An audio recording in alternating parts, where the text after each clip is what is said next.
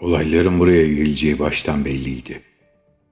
Hücrenin içerisinde sağdan sola, soldan sağa volta atıp duran patronumun durmadan tekrarladığı bu cümle canımı sıksa da sessiz kalmayı tercih ediyordum. İki koca gün, 48 saat bu şekilde geçse de ağzımdan tek kelime çıkmamıştı. Evet, haklıydı belki ama şu andan sonra bir anlamı da yoktu.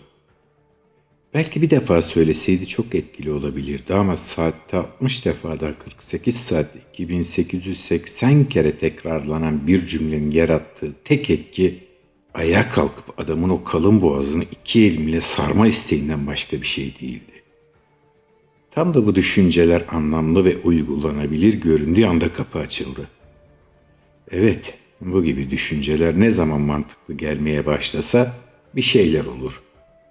Ve sizi o güzel aksiyon sahnesinin baş karakteri olmaktan kurtarır zaten. Buna da şaşırmadım kısacası. Zaten şaşıracak birçok şey yaşanmışken bu büyük bir etki yaratmamıştı. İçeriye giren genç adamın suratı ifadesiz, muhatabı ise dik dik baktığı duvar gibiydi. Hazırlanın, duruşmaya gideceksiniz. Tabii ya, biraz bekle, kravatımı takayım, Kuru temizlemeden elbiselerimi alayım. Ulan it. Nereye hazırlanacağız? Apar topar tıktınız buraya. Demek istesem de salak salak gülümseyerek ayağa kalktım. E, tabii ki siz nasıl isterseniz. Sesim beklediğimden daha cıdız çıkmıştı. Korkuyordum ya. Ne bekliyordum ki? Bilinmez bir pisliğin içine kendi ellerimizle düşmüştük. İşin komik tarafı bunu yaparken neredeyse tüm dünyanın gözü önünde yaptığımız için de neredeyse tüm dünya halkı bizim cezalandırılmamızı istiyordu. Hala odada volt atmaya devam eden patronuma seslendim. İsmet Bey, hadi sakin olalım. Bakın mahkemeye gidiyoruz. İsmet, kırklı yaşlarının sonunda programlama ve yapay zeka konusunda belki de ülkenin yetiştirdiği en büyük adamların başındaydı. Göbeği kendisinden önce göründüğü için aramızda çeşitli lakaplar taksak da yüzüne söyleyemeyecek kadar korkuyorduk bu asosyal cam yarmasından. Bana doğru gürlediğinde de bu korkunun yersiz olmadığını ispatlar gibiydi. Ulan neye sakin olacağız? Adamlar bizi günah keçisi ilan edip apar topar buraya getirdiler. Şimdi de kamuoyu baskısı filan pistan diyerek apar topar mahkemeye çıkarıyorlar.'' Mahkemeye çıktığımızda hakim Gül Cemal'imizin altına bize masum mu diyecek dingil? Gardiyan hamlesi o kadar ani oldu ki ağzımı açıp da ulan aslında buraya düşme nedenimiz sensin. Bizi işe alırken cennet vaatlerinde bulunan ben değildim diyemedim. İsmet ağzın tam ortasına yediği tokattan sonra annesinden azar yemiş bir çocuk gibi geri geri giderken gardiyansa elini cebinden çıkardığı bir mendille silerek gülüyordu.'' Bunu bir uyarı kabul edin. Umuyorum mahkemede bu ufak uyarıyı hatırlar ve sesinizi bu kadar yükseltmezsiniz. Gardiyanımızın peş sıra hücreden çıkarak dar koridorlardan geçtik. Birkaç metre ötemizde başka bir gardiyanın peşinden bizim gibi ürkek adımlarla ilerleyen üç kişiye baktığımda boğazım düğümlendi. Ekibin hepsi buradaydı. Hepimizin üzerinde aynı salak tişört vardı.'' Logosunu ben tasarlasam da İsmet her bir boku bildiği gibi bu konuda da ahkam keserek ilk yaptığım logoyu saçma sapan bir hale gelene kadar değiştirmişti. Bir nakil aracına yerleştirildiğimizde tüm şirket bir aradaydık. Araç hareket etmeden önce İsmet'e ilk hamle Serhat'tan gelmişti. O da ağzının ortasına yediği bir tokatla yerine oturarak mahkeme adabı hakkında nutuk yediğinde artık hepimiz yapmamız ve yapmamamız gereken şeyi öğrenmiştik. Ağzımızın ortasına tokat yemek onur kırıcı görünebilir fakat buraya gelirken aklımdan geçen onca işkence fantezisine kıyasla kırılanın yalnızca onurumuz olması iyi bir şeydi. Ara sıra Eda'yı göz ucuyla kontrol ediyordum. İki gün önce özenle topladığı saçları dağılmış, ağlamaktan gözleri kızarmıştı ama hala güzeldi. Kestane rengi saçlarının bir kısmı terden alnına yapışmıştı. Bu durum beni o kadar rahatsız ediyordu ki dayanamayıp yerimden doğrularak saçlarını düzelttim. Sert bakışları teşekkür ediyor gibi görünmüyordu. Evet gerizekalı. O gün sunumu iyi geçseydi belki de akşam yemeğine davet edecektin ama kızı kodese tıktırdın. Ne bekliyordun ki? Sessiz geçen yolculuk sonrası aracın kapısı açıldığında flaşlar suratımıza patlamaya başladı. Yalan yok. İsmet sözünü tutmuştu. Artık ünlüydük. Neredeyse tüm ülkelerin devlet kanalları, YouTuber'lar, blogger'lar, garip garip tipler etrafımızı sarmıştı. Pişman mısınız? Bu eylemi planlamış mıydınız? Başka cinayetler de var mı? Test aşamasında kaç can aldınız? Güruğu yarıp bize yol açan gardiyan ve polis ekibi çemberi arasında sorulara cevap vermek isterdim ama ağzımın ortasını yiyeceğim bir tokat ihtimali bunu engelliyordu. Lan oğlum ne cinayet ağzına sıçtım YouTuber bozuntusu senin ananın... En azından İsmet ağzına tokat yemeden önce hislerimin bir kısmını dışarıya vurmuştu. İki türlü de içimin yağları erimişti. Aylardır bizi çeşitli vaatlerle, saatlerce öküz gibi çalıştıran, maaşlarımızı ödemeyen İsmet rezil olmuş, gerzek internet ünlüsü de annesiyle ilgili fantezilerimizin bir kısmını duyabilmişti. Mübaşir sağ olsun isimlerimizi bilmiyormuşuz gibi kulağımızın dibinde bağırmaya devam ederken salona girdik. O an bu salondan İsmet'in de dediği gibi masum çıkamayacağımızı anlamıştım. Adi herif her zaman haklı çıkıyordu. Yerlerimize oturduğumuzda salondaki çeşitli tipler dikkatimi çekti. Mübarek salon mahkeme değil de şimdilerde pek hatırlanmayan 23 Nisan şenlikleri gibiydi. Çeşitli milletlerden insanlar bir araya gelmiş, çeşitli dillerde bizi tartışıyordu. Hakim salona girdiğinde tüm o dil karmaşası da son buldu. Hakim hiç de filmlerdeki gibi değildi. Bize filmlerde gösterdikleri yaşlı olurdu bir kere. Bu gençti. Onların gözlerinde merhamet olurdu. Bunun gözleri ateş saçıyordu. Savcı da çok farklı değildi ya neyse. Kısacası sıçmıştık.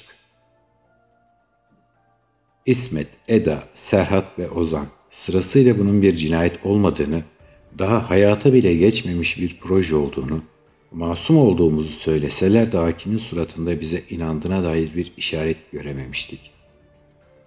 Altı saatin sonunda ayağa kalkan bendim. İsmin Arda efendim. Söyle bakalım Arda, bu kişileri tanıyor musun? Evet efendim, aynı şirkette çalışıyoruz. Kaytan Bıyık Bilgisayar Gıda İnşaat Sanayi ve Ticaret Anonim Şirketi'nde. İsmet Kaytan Bıyık'ın yönetim kurulu başkanı olduğu şirkette hepimiz kurul üyesiyiz. Mahkemede bu isim her duyulduğunda kopan kahkaha tekrarlandı. Sanki üzerimizdeki tişörtlerde bulunan kaytan bıyıklı logo her şeyi anlatmıyormuş gibi bir de bu ismi tekrarlayıp duruyorduk. Yabancı puştlar bile anlamadıkları halde gülüyordu. O salak herife soyadıyla oyun firması açmamasını söylemiştim ama ne fayda. Herif bildiğini okumaktan vazgeçmiyordu ki. Kurul haricinde ne yapıyorsun? Grafik tasarımın başındayım efendim. Bana şu projeden bahset bakayım. Efendim, yaklaşık iki yıl önce başladık. Oyun projesi için İsmet Kaytanbıyık tarafından tıpkı diğer arkadaşlarım gibi işe alındım. Bizi düşünebilen, hissedebilen bir yapay zeka üzerinde çalıştığını ve yeni nesil bir oyun düşündüğünü söyledi. Açıkçası başta inanmadım ama merak da ettim. Sonunda projeye başladığımızda projenin adını söyle. Dişlerimi sıktım. Hakimin derdi türbini oynamak, mahkemeyi komik bir sunuma dönüştürmekti. Son Osmanlı tokatçısı efendim. Yine bir kahkaha koptu. Devam et. Sonunda projeye başladığımızda aslında İsmet Bey'in yalan söylemediğini anladık. Yapay zeka çoktan projeye dahil olmuş, hatta bu oyun fikri de ondan çıkmıştı. Savcı gürlediğinde yerimden zıplamamak için zor tuttum kendimi. Hakim Bey, bunlar yapay zeka diyerek olayı basitleştirmeye çalışıyorlar. Onun bir adı var. Doğru söylüyorsunuz. Bize Haydar'dan bahsedin. Özür dilerim. İsmini İsmet Bey'in babasından alıyordu. Haydar oldukça öğretkendi. Projenin neredeyse her dalında katkı sağladı. Grafikleri o seçiyor, bana sadece düzenlemeler kalıyordu. Oyunculara kusursuz ve oldukça zorlu bir dünya yaratmamızda. Oyun fuarının ülkemize gelmesinde hep onun emekleri vardı. Peki Haydar tek miydi? Anlayamadım efendim. Proje içerisinde başka Haydarlar var mıydı? Hayır efendim, inanın tekti. Her şey o kadar kusursuzdu ki ben hala inanamıyorum. Olay nasıl gelişti? Oyunu hazırladıktan sonra fuarda göstermek için en büyük standı ve salonu tuttuk. İnanın kredisi için neredeyse hepimiz kefil olduk İsmet Bey'e. O borçlar ödenmezse... Hakim masaya çekiciyle vurup susturma sağlayacaktım bile ama adam işini biliyordu. Sana borçları sormadım. Olayı anlatmanı istedim. Tamam efendim. Sunum saati geldiğinde neredeyse tüm dünyanın gözü bizim üzerimizdeydi. Ülkemizi en iyi şekilde temsil etmeye hazır savcı gürlediğinde yine kendimi zor tuttum. Milli meseleleri, beka sorununu tüm dünya önünde tartışmak istemem ama yine halkın milli duygularına seslenmeye çalışıyorlar. Anana mı seslenseydim? Diyemedim. Hakim onaylayan bir şekilde kafasını salladı. Olaya geç. Tamam efendim. Sunum başladığında ben kendi karakterimle Haydar'ın karşısına çıktım. Plan belliydi. Daha önce defalarca yapmıştık bunu. Onun koşullarında bunun bir ölüm değil, en kötü ihtimalle bayılma olması gerekiyordu. Daha onun gibi birçok karakter koyacaktık bölüm sonlarına. Boz dediğimiz karakterlerin hepsi gerçek. Düşünebilen ve bize karşı kendisini savunabilen karakterler olacaktı. Ama nasıl olduysa Haydar birkaç tokattan sonra herkesin gözü önünde yalvarmaya başladı. Ben bunun gerçekçi göstermek için yaptığı teatral bir şey olduğunu düşünerek daha çok vurmaya başladım. Daha önce yalvarmış mıydı? Hayır efendim ama kendi ağzında söylüyorsun işte. Bak yalvarmış sana o kadar. Belki bir sorun çıkmıştı. Belki zayıf düşmüştü ama sen dinlemedin. Hayır efendim öyle değil. Arda bak söylediklerini burada herkes duyuyor. Daha önce hiç yalvarmamış ama sen dinlememiş vurmaya devam etmişsin. Oradaki insanlar çığlık atmaya başlamasa belki de paramparça edecektin zavallıyı. Bunun adı cinayettir. Efendim hayır bu bir oyundu. Yemin ederim bir oyundu. Hakim ve salondaki herkes alacağı cevabı çoktan almıştı. Artık kaçış kalmamıştı.